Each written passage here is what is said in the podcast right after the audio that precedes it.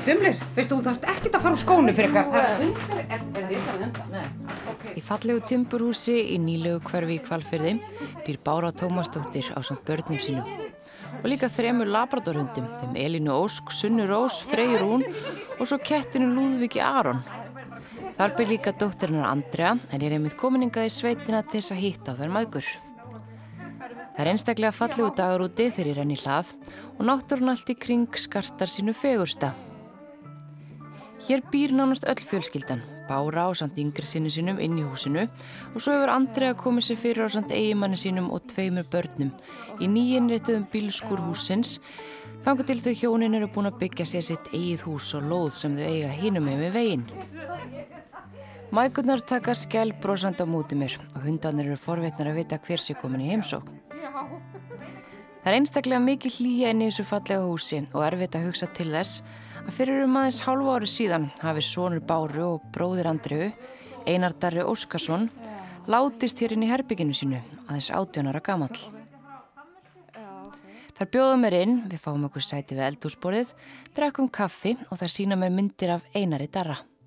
Söknuðurinn er mikill.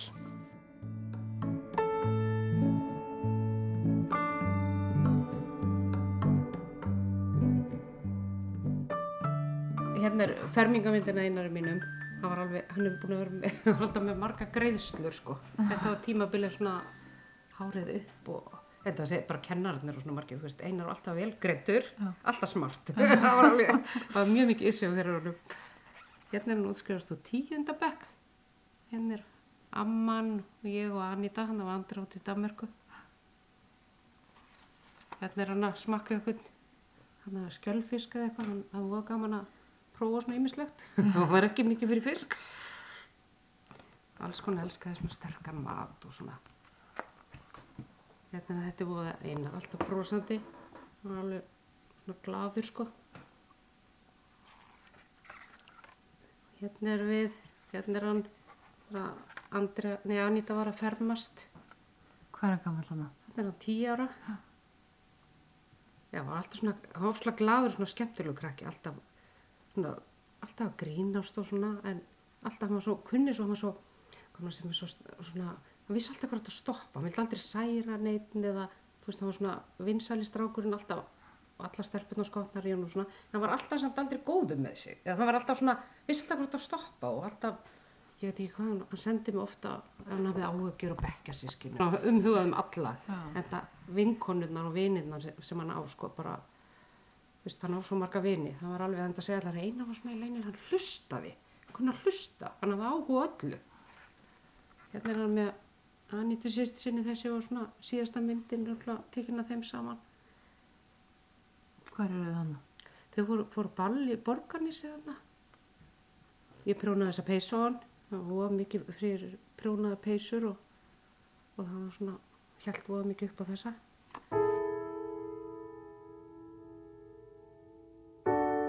Einar Darri lést 25. mæ síðastliðin eftir neyslu róandi livja. Andlátið kom fjölskyldu hans algjörlega opna skyldu, en dagana eftir komistu að því að hann hafði skamman tíma fyrta við nótkun livja. Liv sem hann hafði greiðan aðganga að í gegnum hennar ymsu síður á netinu. Jólinn framundan eru fyrstu jólinn án einastara. Það er stórt og erfitt skref, segðar mér um leið og þær sína með myndir af fjölskyldinu á jólunum fyrir tveimur ára síðan. Þar eru allir í eins jólapeysum og fremst á myndinni sittur langamann með jólatreshatt, ættmóður fjölskytunar. Hérna erum við jólunum, ekki síðast heldur þar áður. Við höfum svolítið gaman að gera eitthvað út úr jólunum. Gaman í fjölskyldinni. Hún er frábær. Hún fyrir eitthvað flotta jólahatt, ættar höfðingin. Þetta er mögnu mynd. Já, þetta eru allir eins stíl. jólapeysum, litlu krílinu allir. Svo fórum við allir dansa konga á, ég veit ekki hvað og hvað. Þannig eins og samreið fjölskylda. Já, alltaf að bralla eitthvað saman og einar alveg elskaði allt svona eitthvað, já og bara við öll, alltaf verið svona að finna upp á eitthvað svona sniðu en það kvegiður okkur svakalega fyrir jólunum núna en Andrea er nú úrræða góð og komið góða hugmynd ætlum bara að breyta þess til. Ég held að það væri bara svona besta lausnin fyrir okkur núna. ætlum bara að gera þetta öðruvísi, vera í einadara peysunum okkar sem væri, sendur einadari framann á Já. og bara, já, minnast dans saman. Við ætlum að bara að hafa svona, svona ítalskjól, það er svona pælingin. Já. Opna pakkana svona klukkan tvö um daginn og bara njóta og bara vinir með á droppinn og svo verðum við örgulega bara upp í kirkjugarði klukkan sex. Að við höfum alltaf verið alveg först að sýta við borðið og heyra kirkjuklukkunar og, og allir byrja að borðið við. Maður getur eiginlega bara ekki hugsað sér þá hafi ekki einar hjá okkur. Þannig við ætlum svona að reyna bara upp á auðvelda jólinn aðeins fyrir okkur.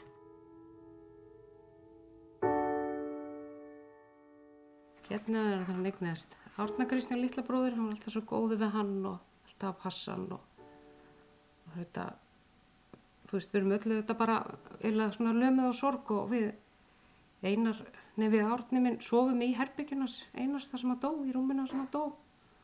Og vorum alltaf með úlpuna svo mill okkar, við erum nýbúin að setja hana, hengja hann upp, við sofum í rúmina hans og Árni sefur nákvæmlega þeim stað sem einar dó á og það er oft svona óþægilegt en hann vil bara sofa þarna, vill ekki vera í herbygginu sínu. Þetta var svona fyrstu dagan eftir einu dóð þá bara gáti ég ekki sofið og bara ég fann, fekk róna þegar ég fór í herbyggið hans og einhvern veginn er þar bara. Þetta er nefnilega Já. skrítið, sko. Ég, þegar hann deyr þá er ég úti í Danmarku og mamma ringir í mig og svo kem ég bara daginn eftir og ég, tilhugsunin fannst mér svo hræðilega að koma inn í húsið. Að ég bara gæti ekki ímyndað mér að labba þarna inn og, og kveið rosalega fyrir þessu. En svo, þegar um leið að ég kom inn, þá vildi ég bara vera inn í herbygginu. Þetta er svo skrítið að maður finnur eitthvað svona huggun eins og maður sé nær honum þar. Og þar er svona, finnur maður mestur róna og eins og hann sé. Finnur svona, Já, maður bara finnur fyrir honum og maður veit nú ekki einu svona hvort maður er að segja þetta hérna núna en hann let okkur líka svo algjörlega finna fyrir sér með því að taka ljósin af og þetta var, já, þetta, ég, ég veit ekki hvort maður ætti að fara út í það, þetta var, gerðust mjög margir förðulegi hlutir Eftir hann dó. eftir hann dó og hann sem að ef, ef maður efaðist eitthvað um aðra tilvist þá fór það algjörlega og þess að vinir hann sögðu sko því eina var svona svolítið heimspekingur sko. Alltaf að, og hann trúði á lífið döða og alltaf að samfæra vinir sína sem gerði það ekki, að hann var mjög svona ræðin, hann talaði mjög mikið. Og hann og þeir segja mitt núna einar er enn að samfæra okkur um eitthvað, að hann var svo, svo, svo rökfastur sko, því svo kennar þetta það var oft erfitt að eiga við hann sko, að því hann bara, hann hafði alltaf svo svaklega rök og núna bara þegar hann dó, þú veist, hann bara, ljósin fóru braf inn í herbygginu þegar hann deyr. Og það var ekki hægt að kveikja þau aftur nema lítilega þegar ég bað hann um að kveikja ljósið, það hljómar mjög, sem við sem stórfjörðulega, því ég var að skrifa minningagreinina um einar, satt hérna frammi og talvan í herbyggi og það var ekki séns að kveikja ljósið, hún var búin að fá rafvirkja og allt til að kíkja á það, þannig að það var ekki peran eða neitt svo leið sem við heldum fyrst bara. Og hann og ég segi eina minn, nú kveikir fyrir mömmu alveg út grátinn og ít á og kveiknaði ljósið. Og ég bara, "Ah, krakkar, þau voru öll á efri hæðinni og allir komið hlaupandi niður og við vorum bara, hvað er í gangi?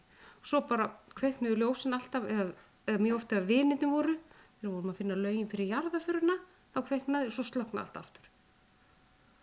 Svo daginn, ó, nú fá ég bara ekki að sjá, daginn eftir hann er jarðaður, þú veist, ég sagði þetta alltaf, býða hann munu örgla bara þegar búið að jarðan, við, enda reyndum alltaf að hugsa fallega til hans og leifa honum að fara og þó það væri virkilega erfitt að hann að ammena andruð deyr skyndilega, þetta var mjög skrítið allt. Hún er að segja okkur á dánabeðin, hún ætlaði sko í jarðaförun hans eina sem segir okkur á dánabeðin, hún væri ætla að fara og gæta bassinsmís.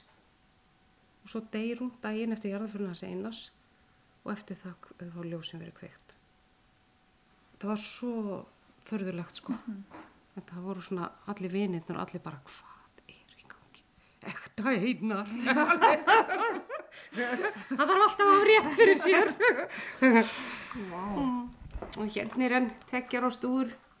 Hún var svo rosalega fallið augu. Það var alltaf svona, svona nistið í honum á honum, þú veist. Það var svo ótrúlega áhuga saman fyrir lífinu og öllu sko. Hún fannst, það var allt svo spennandi og en það með svo mikið framtíðaplöðun. Al, nákvæmlega, bara, og hafði skoðun á öllu þess vegna líka svona bleikt sko, hann elskaði bleikan þannig að hann vildi ekkert vera eins og hinn í strákan hann vildi bara vera bleiku þegar hann var lítill og, og svo endaði ég vilt á því að hann kom með tískun alltaf. Og það var bara þannig. Það, var, það þorði alveg að vera eins og hann var. Og hinn er fylgdi. henni fylgdi og sem betur verið var hann bara góð fyrirmynd þegar við vissum. Og hérna er hann elsku strákurinn okkar hérna er við og hann ammalinas 17 ára fór út að borða. Og hérna er Árni Kristján hann fyrkt, hann var alltaf fyrkt í hárin á mann og svona það er svona þetta sterkum minningunum um hann. Og það var svona snerti þörf og já, hérna sést það kannski ennþá betra. Klóra, klóra í há- hárin og litla bróðir og þetta þegar hann var lí- lítill, hann var alltaf í hárinu á manni. Grétri í klifti með stuttarð eitthvað tíma mamma! Og svo voru sýstöðnar og svo vanar hún bíl með hann fór að væla þá sett hann bara hausinn svona til liðar og hann byrjaði bara eins og það segja stefn það var ekki hægt að vera í vondu skap í kringum hann hann annarkort bara leta mann segja hvað var að eða bara ég finn það á mér, það er eitthvað að, ég finn það á mér, þú ert eitthvað leið og, og svo bara var maður að segja honum frá því og þannig að hann var trúnaðar vinnu minn líka sko. Bara frá unga aldri. Já, það var bara einhvern veginn svo, já, hann var svona bara lítill, gréti við bíómyndum og svona, svo, svona viðkvæmur og svona stórt hjarta. Hérna er hann syngjandi, alltaf syngjandi, dansandi. Var hann mikið að koma fram?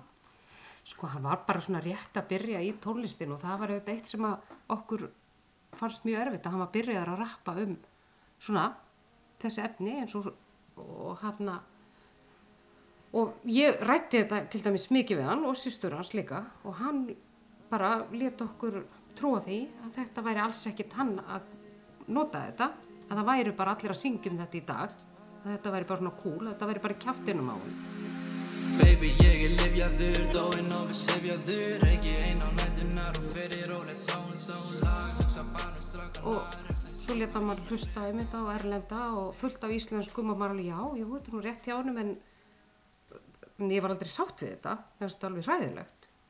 Og við fjölskyldan tókum ákvörðum við letum taka allt út af hann að, hvað heitir þetta allt sem Spotify. Spotify og þetta? Við Það gáttum ekki hugsað okkur að, að ungmenni væri að hlusta á svona texta. Það sem að væri verið að svona líka að upphefja þessi lif það er svo margt að minnast einast en ég vil ekki að hún sé minnst fyrir þetta. Af því ég veit að bara svo persóna sem eina var hann myndi ekki vilja að einhver tæki sitt í fyrirmyndar og færi að gera þetta. Af því að hann var svo mikil hvað, já, bara mannvinur og hvað þá litli bróðir hans eða einhver, þú veist, bara þannig við, það, við þurftum ekki að hugsa okkur um, við bara okkur fannst þetta bara enga veginn við að það væri svona lög eftir hann Það rifi upp daginn þegar Einar lést. Engum hafi grunað að Einar væri að taka sterk livseðilskild lif. Við eiginlega svona uppkvötuðum þetta aðalega bara þegar Einar er látin. Við fengum þetta algjört, þetta þetta bara þvílíkt sjokk sko þennan dag, 25. mæ og Anita var að útskjóða sem stúdent sko þannig við vorum hérna bara í rólega hettum ekkert, þú veist ég var ekki farin að fætur, ekki búin að klæða mig, ég var bara dúllast hérna í eldhúsinu og vinkona seina skisti hérna hjá honum og hún kallar á mig að hún geti ekki vakið Einar og ég bara hleypin í herbyggi og og sé að er eitthvað skrýtnir samt þegar eins og hann sé bara sofandi og byrja bara svona, hann er alveg heitur og, og bara svona íta við honum og hann rankar ekkert við sér þannig að ég kalla hann að ringja bara strax á sjúkrabíl og, og við, okkur er blóðsæði gegnum endurlífkun með hann en hann tók aldrei við sér. Og við vitum ekkert þegar þetta er hann, að hann hafi verið búinn að vera fyrta með þessi lif hann var að vinna þetta sama kvöld á hótel Glema þjóna hann vann með skólanu líka. Og svo bara fer boltin að rúlla eftir að, að krakkarnir við hann átti rosalega marga vinan einar og við vorum bara hérna köllum þetta björgunarringin okkur öll stofan var bara gerður ring og, og þau fóru bara að opna sig við okkur og segja okkur og þá tökum við, hvað ætlaði þetta ekki verið þriða degi sem við skoðum síman af því þetta kom eiginlega bara eins og þrjum ár heiðskýri lofti fyrir okkur. Þú veist, við vissum hann hafi prófað eitthvað kannabis og eitthvað en alls ekki að þetta hefði verið svona og þegar við fyrir mig gegn símanans þá náttúrulega sjáum við meira hvernig þetta var. Og samt vorum við ekki að tala um þannig að hann var við neyslu okkur í minnsta degi eða það voru tvær vikur þar sem þetta var meira. En samt alls ekki þannig að það væri dagneysla eða, eða dagleg neysla. En hræðileg samt sem áður. Og það sýnir það bara það, það fyrkt er bara döðans alvara, það er bara svoleiðis. Og þessi lifir orðin svo rosalega sterk sem eru í umferð að krakkarnir bara fá ekkert svigrun til þess að mistiða sig og við bara fengum að upplifa það. Bara hræðilegt. Ég bara maður vildi orska þess að maður hefði geta fengið að grípa inn í og geta gert eitthvað. Og en þetta veist, ef maður hefði vitað þetta hvað, það er svo erfitt að sjá líka enginnina þessu, það virðist vera að þegar maður tala við fólk og krakka í kringum okkur, veist, hvað, hvað getur maður leitast eftir, hvað enginnum það virðist bara vera rosalega erfitt að sjá það þetta er eiginlega bara, þú þarft eiginlega að vera bara varbergi bara, bara við alla hegðun bara. Eða þau segja stundum að þú sést á góðum stað þegar þú byrjuður að taka þessi eins og þessi kvíðastillandi sannakslif eða að þá lítur út eins og þú sést á mjög góðum stað. Nema þú ert það bara alls ekki. Þannig að ég veit svo sem ekki hvaða enginn ætti að leitast eftir ef að ef að myndi spyrja eftir. Ég held að maður þurfi bara að hafa virkilega virkilega opin augun sem foreldri og kennarar og allir sem að umgengast ung fólk og þetta er ekki bundið við ungt fólk, þetta er náttúrulega bara það við tölum mest um ungt fólk en þetta eru allir aldursflokkar sko. Og ég held einmitt að ég var bara heppin móðir að eiga dreng sem var ekki í kannabis, að því maður heyrir svo mikið um kannabis og, og margir sem að veit, veitir því að því ég var alveg að gera svona pröfur og einari og það kom ekki út af því. Þannig að, en hann var heldur ekki að reykja kannabis og, en manni óraði ekki við að hann var að taka töflur í staðinn. Og maður eru þetta að heyra bara alveg hræðilega sögur líka bara núna af mörgum unga fólkinu að því við erum líka mikið að fara í framhaldsskólana að krakkan eru kannski ekkert að hittast og fá sér í glas eða reykja þau eru að taka töflur og mæta jafnvel á skólaböllin og glása í mælinin sem að og fara í etrupottin en eru jafnvel livið og enginn sér neitt og sumi finnst þetta bara fyndið. Eftir að eina dó opnaðist fyrir þeim heimur sem þeim hafði ekki óra fyrir að veri til. Það sem neistla livseðarskildra livja þykir ekkert tiltöku mál. Sko eina var nefnilega mjög opinn og sagði okkur stundum, meira sem ég sagði, sko, að liggum að vissi stundum of mikið að hann var svo eh, bara mjög opinn en sem var þetta dýrmætt en maður held maður vissi allt og svo vissi að hann hefði prófað kókain, hann hefði sagt það líka og sagt, sagt frá því. Þannig þessina var ég líka að fylgjast með honum og maður var líka að fylgjast alltaf með honum því hann var svona, þú veist þetta var, uh, já ég var einhvern veginn bara alltaf svolítið hrætt um hann þó hann, hún gekk rosalega vel, hún gekk vel í námi og bara vel í öll en hann var svona, þú veist hann var at, með ATHT og bara en ég vildi, hann var ekki á livjum við því, að því maður var búin að heyra svo ofta að börngjandi misnota þau liv þetta er bara rosalega snúið sem foreldri að einhvern veginn að finna út hva, hvað er rétt að leiði maður bara þannig að þetta kom okkur virkilega á að vera að nota þessi liv ég held persónlega að þessi liv eins og þetta oxykontin að þetta væri bara fólk sem væri komið langt í neyslu og væri að sprauta sig. Ég vissi ekki að krakkar væri að taka þetta. Þarna eru þau að byrja. Það segja að það er margir krakka, ungi krakka segja að þau eru að byrja eða vittlu sem endur, að byrja þar sem allir enduðu fyrir kannski tíu árum síðan eða eru að byrja á því að leika með þessi livsiðskildu lif eins og oxykonti, morfinskild lif og sanak sem er nú allt innflutt og þau eru náttúrulega bara svo stór hættuleg. Bæði hvað, þú veist, þú, þau segja tvö skipti og þá er ég orðin háður og get ekki tekist á við daginn og þess að taka þessi lif eða þá bara eitt skipti, tvö skipti og þú ert dáin. Ég bara, maður skilur þetta ekki og svo líka sem maður sér í þessu að það er svo ótrúlegust þetta er svona breytt sölum menning líka sko, það er ekkit þetta er svo auðvelt fyrir krakkana að nálgast þetta. Þetta er bara bekkjafélagin eða æskuvinurinn eða sem er að, þau eru bara svona að díla þetta sín á milli.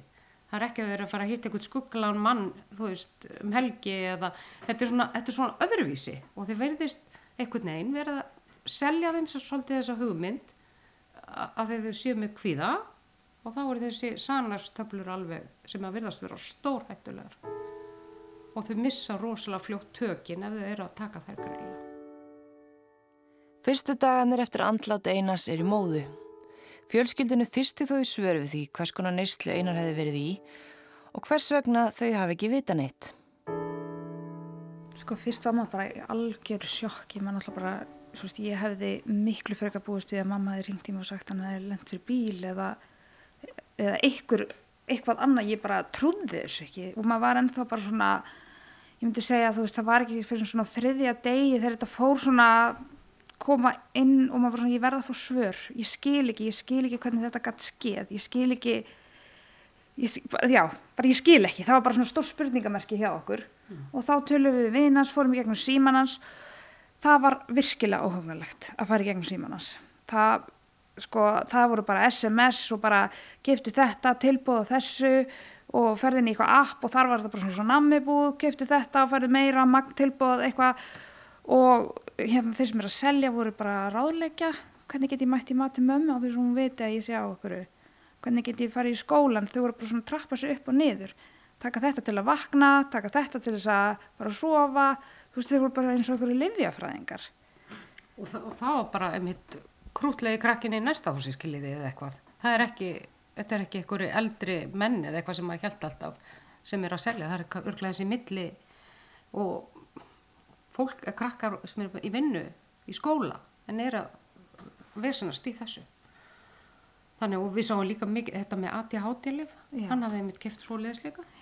til þess að ebla námsárangur það er virðist vera mjög vinsælt og þau krakkarnir telja þetta ekki misnótkunni lifum þetta er bara svona, nei, við, það gera þetta allir. Þetta er bara svona menning fyrir próf að þú takir töflur til þess að fá betri námsárangur. Nema þetta virkar bara ekki þannig og þau gera sér einhvern veginn ekki það er eins og það vanti fræðsluna. Það vantar að útskýra betur fyrir þeim að því að krakkar eru svo klárir og unga fólki okkar er svo klárt að ég held að, að það sé mjög mikilvægt að við bara valdeflum okkur sem þjóð með því að fræðast meira, vita meira, vita hversu hættuleg þessi lif eru og gefa þeim verkværin til þess að taka ákvörðun að ætla ekki að taka þessi lif.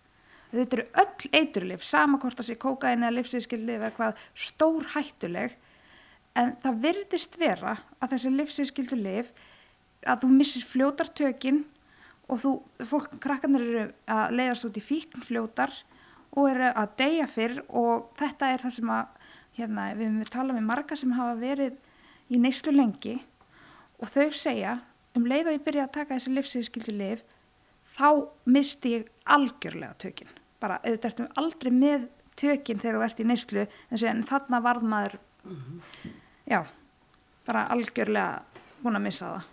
maður er búin að heyra bara svo margar hræðilega sögur og bara það sem að, ég er svo sammálaus, krakkar eru svo klár og þau googla allt í dag en þau þurfa líka þetta að sjá að þau eru kannski ofta að lesa staðrendi sem eru ekki réttar eins og með kannabis.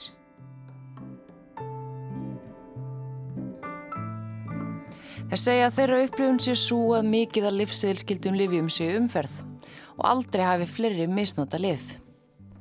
Dánartölur staðfesta það líka. Á þessu ári hafa tæplega 40 manns látist á Íslandi vegna lífiðeitrunar en í fyrra letist 34 yfir allt árið. Miklu fleira ungd fólk leggst nú en á spítala völdu lífiðeitrunar en fyrir nokkrum árum síðan. Ég er samt í mínu námi er í master í helbriðsvísindum og var ótrúlegt en sagt að sérhæfa mig í misnútkunar lífsvískildu lifum sem er stórfurðulegt af því þetta var ekki, ekki út frá eitthvað bróðum mínum af því ég náttúrulega vissi ekkert um þetta þannig að það var mjög skrítið að ég var búin að vera að skoða þetta. Ég samt var búin að sko, skoða marga greinar og vera alveg að grúska í þessu. Ég samt vissi ekki neitt með við það sem ég veit í dag út af því ég er búin að heyra þetta mest frá unga fólkinu sem segir mér að mér, ég held að sé svolítið nýtt neyslumunstur, ég held að þetta sé eitthvað nýtt vandamál sem við bara þekkjum ekki.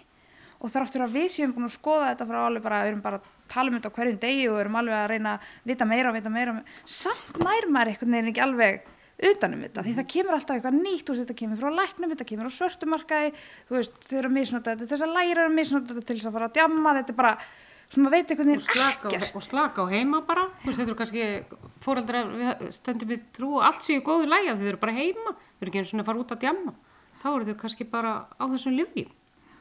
Þannig að þetta er svo, þetta er svo stort vandamál. þess vegna, þú veist, við, þegar við hérna ákveðum að stofna minningasjóðin þá var nú aldrei á planinu að fara á stað með eitthvað svona stórt eins og þetta er orðið, myndi ég segja. Uh, en við sáum samt fljótt að það var eitthvað sem þurfti að gerast og eitthvað rótækt, ekki eitthvað sem við bara myndi svo fjara út, þetta var eitthvað sem við þurftum að tala um og halda áfram að tala um því þetta mun ekkert stoppa. Þú veist, við stoppa nema við grípum inn í með einhverjum rótækum aðfyrum og við gætum það aldrei ein. Við bara eitthvað, við hérna fjölskyldan eitthvað, gætum ekki gætum það ekki.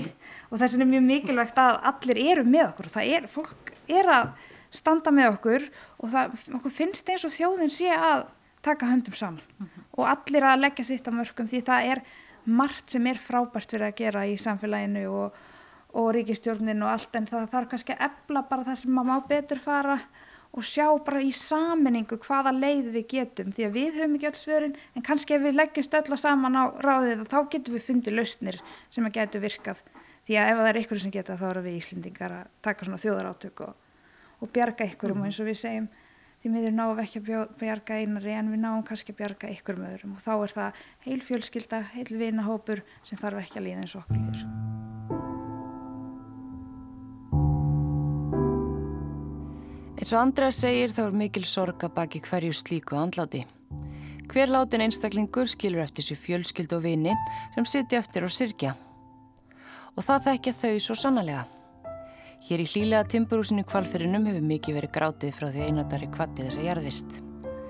Það sína mér herbyggið hans, þar sem allt er nánast enn á sínum stað eins og var þegar hann kvatti. Hérna er herbyggja hans eina starra og það er bara eins og var þegar hann dó, bara hérna er rúmið hans og hér sofum við Árni Kristján. Og hérna er bara uppáhaldsrakspýrin hans og hann var svo mikið snirti menni alltaf sko, alltaf upptökinn hafa góða lykt á sér og setja á sig handáburð og, og fín föt og, og þarna er svona rakspýrarnir hans líka og, og hann var mikið af skarkripum hann með það, marrandi stóla því að hann var með aðið hátudrengurinn minn, hann var alltaf á yði þannig að ég veit ekki hvað hann hefur brotið marga svona stóla en þetta er bara einar. Þannig að hérna er úlpan hans sem hann var alltaf í. Við sváum nú með hann bara upp í rúmi. Við, ég er nýbúin að hengja hann upp. Ég bara gata ekki, ég sváum bara með hann í fanginu í fjóra mánuð, rúma fjóra mánuð þannig að maður veginn, mann fannst veginn, maður hafa hann, maður fannst vera svo nálægt honum hérna inn í herbygginu og hérna var það mitt sem var ljós sem virkuði ekki, hann er með fataherbyggi það sama ramagn, við letum kíkja á það. Það virkuði ljósin í fataherbygginu og eina vildi alltaf, að því að hún er mjög mikilvægt með fallegu fötin sín. Og hann en ekki hér, það bara slapnaði hér, bara þannig dó. Og svo byrjuðu aftur að virka. þegar var búið jarðan, amma fór og fylgd honum yfir. Og svo hann skildi mitt eftir vinnupeysuna sína hérna, hérna, hérna inn á baði eins og til dæmis hana hefur maður ekki þú veist, hann var að vinna til 11 um kvöldið þegar hann deyr, kemur heim, hengir upp vinnupeysuna og hún fekk, ég fekk leifi frá vinnunni bara að hafa hana, ég hef einhvern veginn ekki getað tekið hana niður það er svona smottir í einhvern veginn sem að eru mikilvæg fyrir manni Hún hangir að þenn. já, hún hangir að nenn og Og uppáhald skýrtan hans þarna á, á stólum. uppból skýrtan hans og hann- einar átti mjög mikið af fallegum fötum en mjög, ég gaf mikið af fötunum til vinans bara mér fannst það einhvern veginn mi- mikilvægt að þeir hefðu við vorum öll bara í fötunum á seinast aðra hérna lengi vel og eftir þannig að en það er svona viss uppbólsföt sem að og hann var hjarðaður í uppbólsjakkafötunum sínum og, og við eins sorglegt að vera þá uppkvitaði hvað var og langur í þegar var verið að setja hann í ki- líkistuna. Það var ekkert að hafa hann í spari skónu sínum og, hann, og að þeir segja okkur að því að hann var svo langur þegar þeir setti við hliðin og, og ég segi, býtu, hvað hva var eina minn og er langur? Það segi, kistan er 1,97 þannig að hann lítur að vera svona 1,94-95 og ég vissi það ekki. Ég vissi það þannig þegar hann var settur í kistuna. Ég held að hann væri svona 1,90, ég vissi það því maður sá hann var alltaf að fara fram úr öllum vinnu sínum og, og hann og var alltaf eina minn, nú mælið þið, nú mælið þið, nú með stöng hérna sem hún alltaf að mæla hvernig hún stór. Og hann hann alltaf, gerði það setna mamma, ægin ennið ekki, ægin ennið ekki. Og, og svo frétti maður það þarna, hvað var hún stór? Það er hár. Þannig að við stupannir hérna. Þið, þið eru mjög svona, þú veist, opnar með það. Hvernig þið syrkið? já, við erum það. Við bara við að, bara, við ákvaðum það strax að bara taka þetta bara alveg eins og við erum, við vorum opinn fyrir bara með, við fjölskyldan við með einari og, og við ákvæmum strax að allar tilfinningar eru leifðar. Við grátum saman og það má alveg eitthvað vera reyður ef við leifum því að koma og svo ferða. Og við finnum bara hvað það er flott að fara ef við leifum því að koma. Að ég við ekki henni, ég væri ekki mannleg, ég væri ekki reyðstundum. Reyð út í einar, ég get ekki skammaðan. Já, bara reyð, hún er auðvitað fyrst og fannst reyð út í sjálfa mig, hvað okkur sá ég þetta ekki. Og, en við leifum þessum bara að fara, koma og fara. Og þá situr eftir þessi indislega tilfinning og kærleikur því einar gaf okkur svo mikið og það er það sem að situr eftir. Það sem skiptir máli, kærleikurinn. Algjörlega, algjörlega. Þess verður þetta gert í kærleika.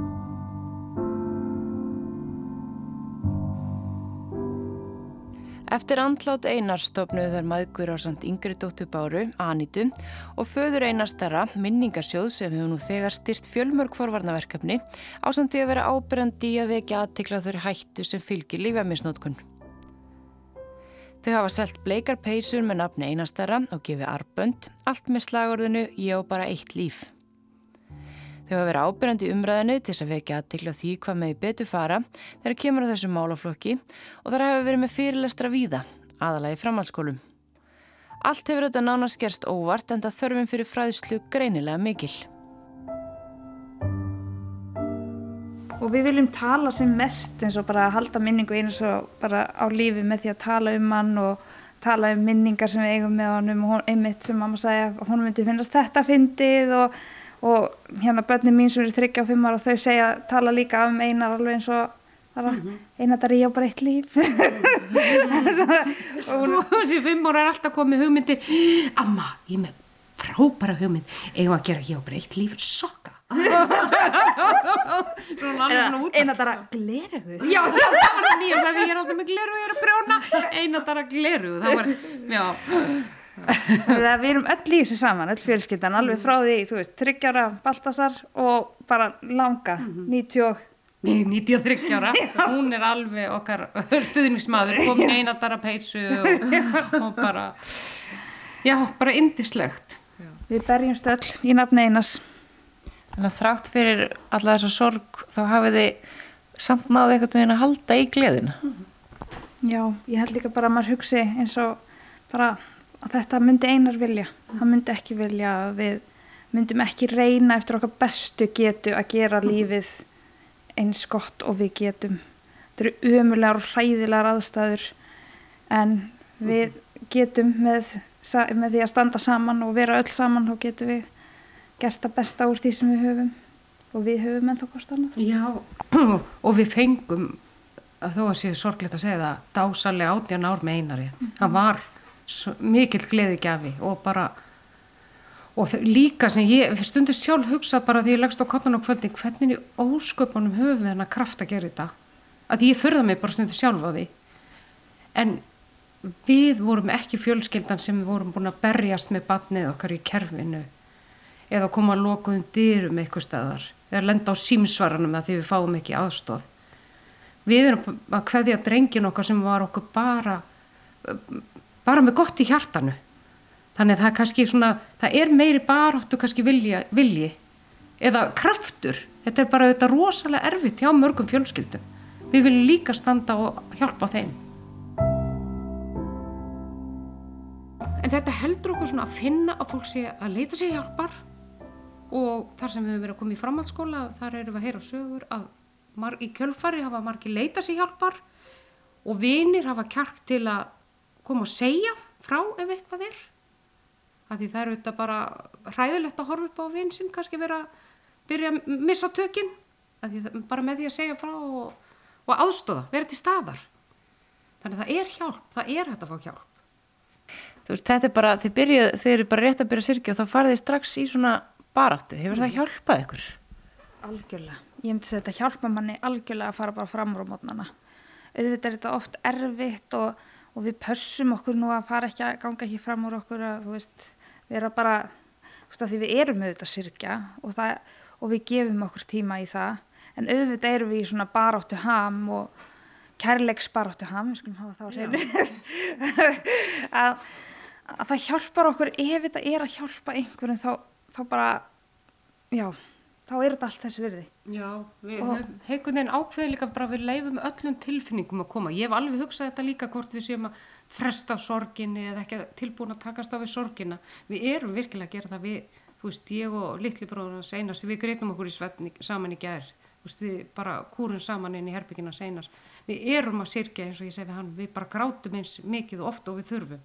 Og við bara, við höfum grátið alveg svakalega mikið. En ég segi eins og andri, þetta hjálpar okkur. Þetta einhvern veginn, við höfum alltaf verið náinn, en sko bara sem aldrei fyrr og ég veit að einar er nú alveg hérna að stýra okkur í þessu sko. Það er alveg á reynu.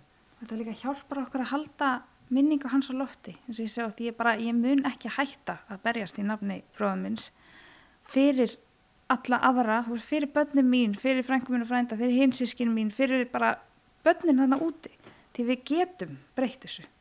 Ég er, hef full að trúa því. Hverju eru þið búin að koma að stað? Af því núna eru þið búin að fara út um allt, tala við alls konar fólk og þið eru komin inn í einhvern heim sem þið vissu ekki eins og væri til fyrir nokkur mánuðin síðan. Hverju eru þið búin að koma að stað síðan þá? Það sem eiginlega var líka bara svolítið sjokkar þetta fyrst sjokkar að heyra þetta allt frá krökkunum. En að fá svo staðfestingan frá öllum fræðimennum að þetta er bara alveg rétt og margir hverju búin að vera að reyna beina sjónar að þessu hvað værum að stefna í slammál en við erum bara búin að vera öll sofandi, öll og tala ég um ég líka. Og bara já, það er eiginlega svona mest að sjökki hvað þetta er stórt vandamál og hvað þetta er víða því við vorum bara fyrsti já, þetta getur nú alltaf verið svona algengt þetta bara getur ekki verið. Er þetta ekki bara uh, kringum einadara nei, þetta er bara út um allt. Og það var eiginlega svona mest sláandi og þess vegna ákvað við verðum bara að láta þetta berast. Og, og þess vegna vorum við, við á stað með arbundin við vorum að að finna leið að því það er ekki nóg að við stöndum eitthvað og segjum þetta, við viljum að börnun okkar hlusti. Hvernig náum við til krakkana? Hvernig náum við að láta þau bera út bóðskapin, Já. alla bera út bóðskapin. Þess vegna vildum við gefa arbundin, vildum ekki selja þau að því vildum gefa þannig að allir getur fengið tækifæra að fá arbund, dreifa bóðskapunum, mynda umræðu, það kemur stendur ég á bara eitt líf fyrir hvað stend, þannig að krakkar eru að tala um þetta inn á heimilinu, við höfum og afa og já, nákvæmlega. Það var svona, þetta var svona arbund í formi vitundavakningar, ég held það, þetta var svona samstaða, við ætlum bara að standa saman, þetta komið gott. Algjörlega og eins og þegar við byrjuðum með skærblegu peysurnar í sumar, byrjuðum á ískun dögum að vera í þeim og dreifa arböndum, þá ætlum við bara að vera við fjölskyldan og vinir einastæra, peysurnar voru hugsað þannig fyrst. Og svo bara voru svo margir sem vildi vera með okkur í liði og taka þátt og heyra svo þetta þegar við átt, áttuðum okkur á því að hver peysa, hver flík var svo mikið forvörn. Við vorum einmitt að fyndi í morgun og þau spurðu, já, viljið þið segja okkur aðeins hvað þeir eru búin að gera? Ég sagði, ég er auðvitað fljótari að tala um hvað við erum ekki búin að gera. en ok. Af því að við auðvitað horfum stórt, við erum, erum bara þannig, týpur, að við bara trúum að við getum gert stóra hluti. Þið þurfum helst að gerast strax, það er svona fín. en við höfum verið að halda líka fyrirlestra ekki þannig við séum með eitthvað forvarna fræðslu sem slíka, eitthvað þróaða forvarna fræðslu, en við erum að segja okkar sögu sem eru þetta viss forvörn. Segja þeim bara frá einari, segja þeim frá hvað kom fyrir og okkar verkefnum og reyna að fá bara sem flesta með okkur í lið, að gera þetta saman, hjálpumst að að bera út þennan bóðskap sem við erum að segja, hjálpumst að að, að bjarga fólkin okkar því að þetta það er náttúrulega ekki lægi að við sem að missa einst, einn einstakling á viku, þetta er svakalegar tölur.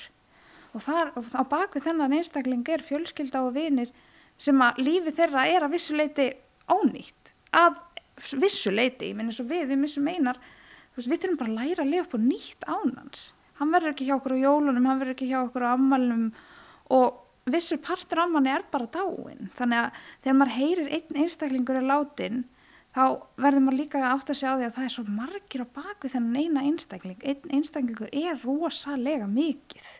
Já, svo líka sem hefur slegið okkur svolítið, það er hvað, þú veist, uh, allt þjóðfélag er, er búið að vera sofandi og eru við búin að, það vantar fjármunni í þessi málefni. Þú veist, við erum að tala um skólakerfið, heilbriðiskerfið, að við erum búin að vera svo sofandi yfir þessu máli, alla forvarninar, löðruglan er ekki með neina forvarni lengur. Þú veist, er þetta það sem við viljum? Viljum við að börnin okkar fá ekki neina forvarnir og að löðruglan sé bara vondi kallin sem er að stoppa þau. Viljum við ekki að hann sé vinur þeirra sem kemur inn í skólan og fræði þau? Ég held við þurfum öll einhvern veginn að skoða þetta. Þetta er eitthvað ekki að virka hjá okkur og við þurfum bara öll að líta í einn barn.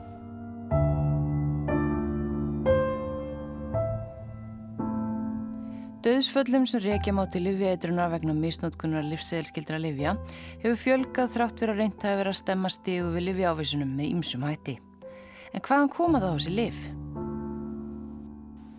Sko við höldum, það sem við sjáum er þetta sé mert á svörstu markaði, þetta sé innflutt efni. Þau eru segjast bæði verið að fá þetta sendt með posti uh, og við verðum farið erlendis og náði í þetta og við ákveðum fljótt að við vildum ekki hérna að kalla þetta lækna dóp eins og er mjög oft notað bara út af því að við teljum þetta fyrir að frekar uh, sko livseðskild liv af því að við viljum ekki alveg einblýna þetta sé komið allt frá læknum því að það sem er verið að kaupa svörstu markaði virðist vera svona 80% eitthvað sem er keift sem er innflutt. Það er auðvitað eru einhver partur af því sem er fengið frá læknum en stæðsti parturinn að við höldum er innflutt.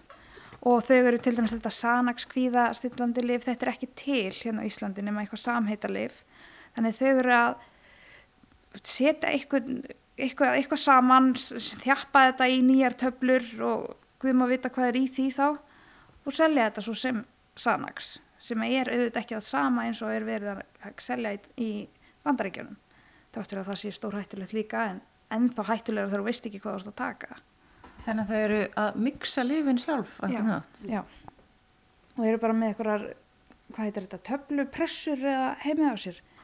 Þetta, svo, þetta fyrir svo fram úr manni að maður bara, mér finnst stundum eins og sé verið að ljúa mér þegar það er verið að segja, þegar krakkan er að segja þetta, en svo eins og mamma sagði, við fáum þetta staðfest. Frá fræðimönnum, lauruglinn, þetta er allt rétt, þetta er, þetta er það sem er að ske. Allt unga fólkið sem við hérna tölum við, það er undatekningarlaust geta þau annarkort sagt ég hef prófað þetta eða þá þau þekki einhvern mjög nálátt sér sem hefur prófað þetta. Þetta er ekki bundið við neitt hóp og það er alveg 100% þannig, alls ekki neina stereotýpur, það er bara ekki til lengur.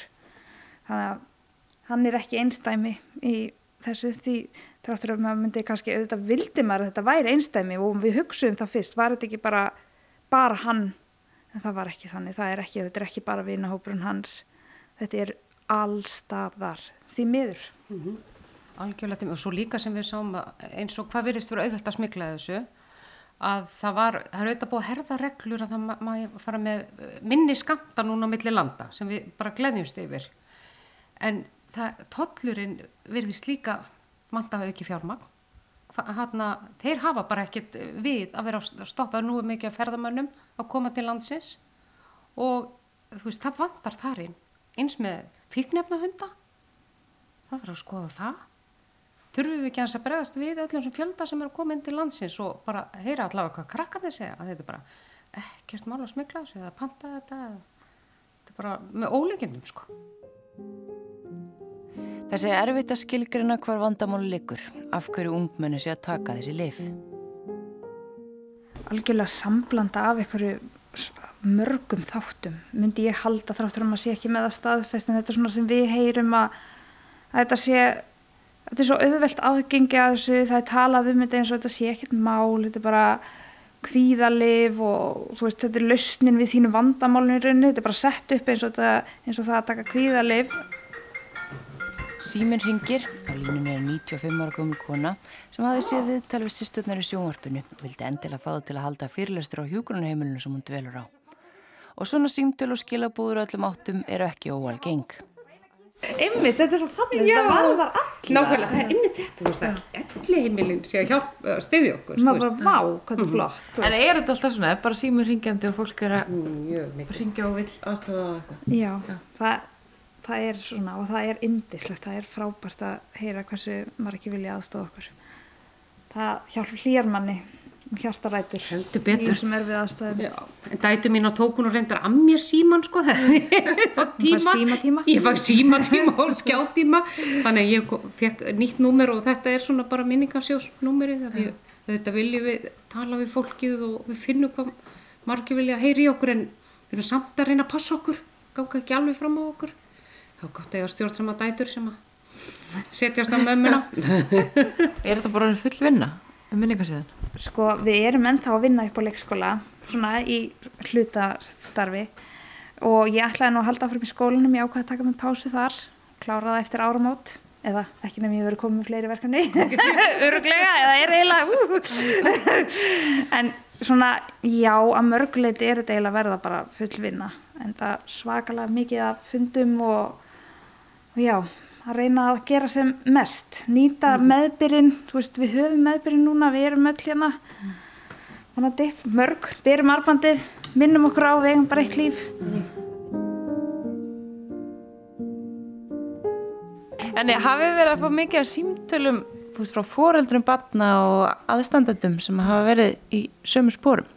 Já, við höfum nefnilega fengið svolítið mikið af símtölum og skilabóðum inn á minningasíðunni sem eiginlega svona, já, meira af skilabóðum sem hver mjög erfið því það eru bara svo margir í vanda og við vorum mjög óörug fyrst hvert við ættum að leiðbina fólki út af því að við vorum ekki í þessari stöðu að vera í vandræðu með einar eða einar væri að tínast eða þannig að þetta var alveg nýtt fyrir okkur, við þurftum að skoða það líka og erum enn að átt okkur á hvaða úrræði er í bóði og hvað vantar.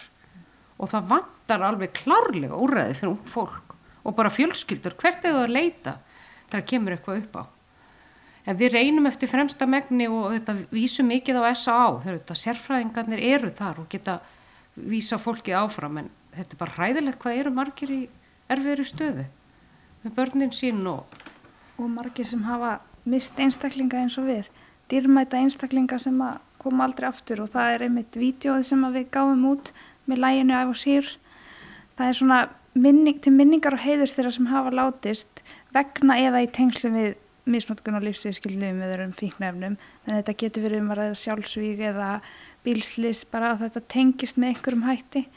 Og þetta er, þetta er bara svona, einstaklingarnir sem koma þarna upp í vídeoinu þú veist, þetta er bara brota brota þeim sem hafa farið. Og þetta er svo sorglegt að horfa á þetta, svo sorglegt að hugsta til þess að allir þessir einstaklingar eiga fjölskyldu og vini sem líður eins og okkur líður.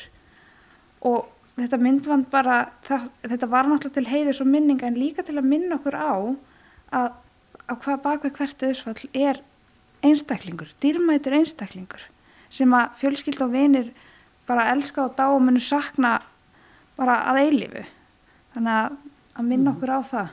Svo hafa margir aðstandendu verið að aðstofa okkur líka þannig að við erum svona, erum bara ansið stór hópur sem erum að bera út bóðskapin og einn indislega kona, Elisabeth, sem er misti bróðið sinn, hún er mikil útifista kona og mikil göngugarpur, hún er stofnaði svona gönguhópin með okkur. Við fórum á Ulfarsvelli sumar, fjölskylduferð, fleika hersingin og og við erum með fána, ég á bara eitt líf og fánin er, er byrjar að fara við það.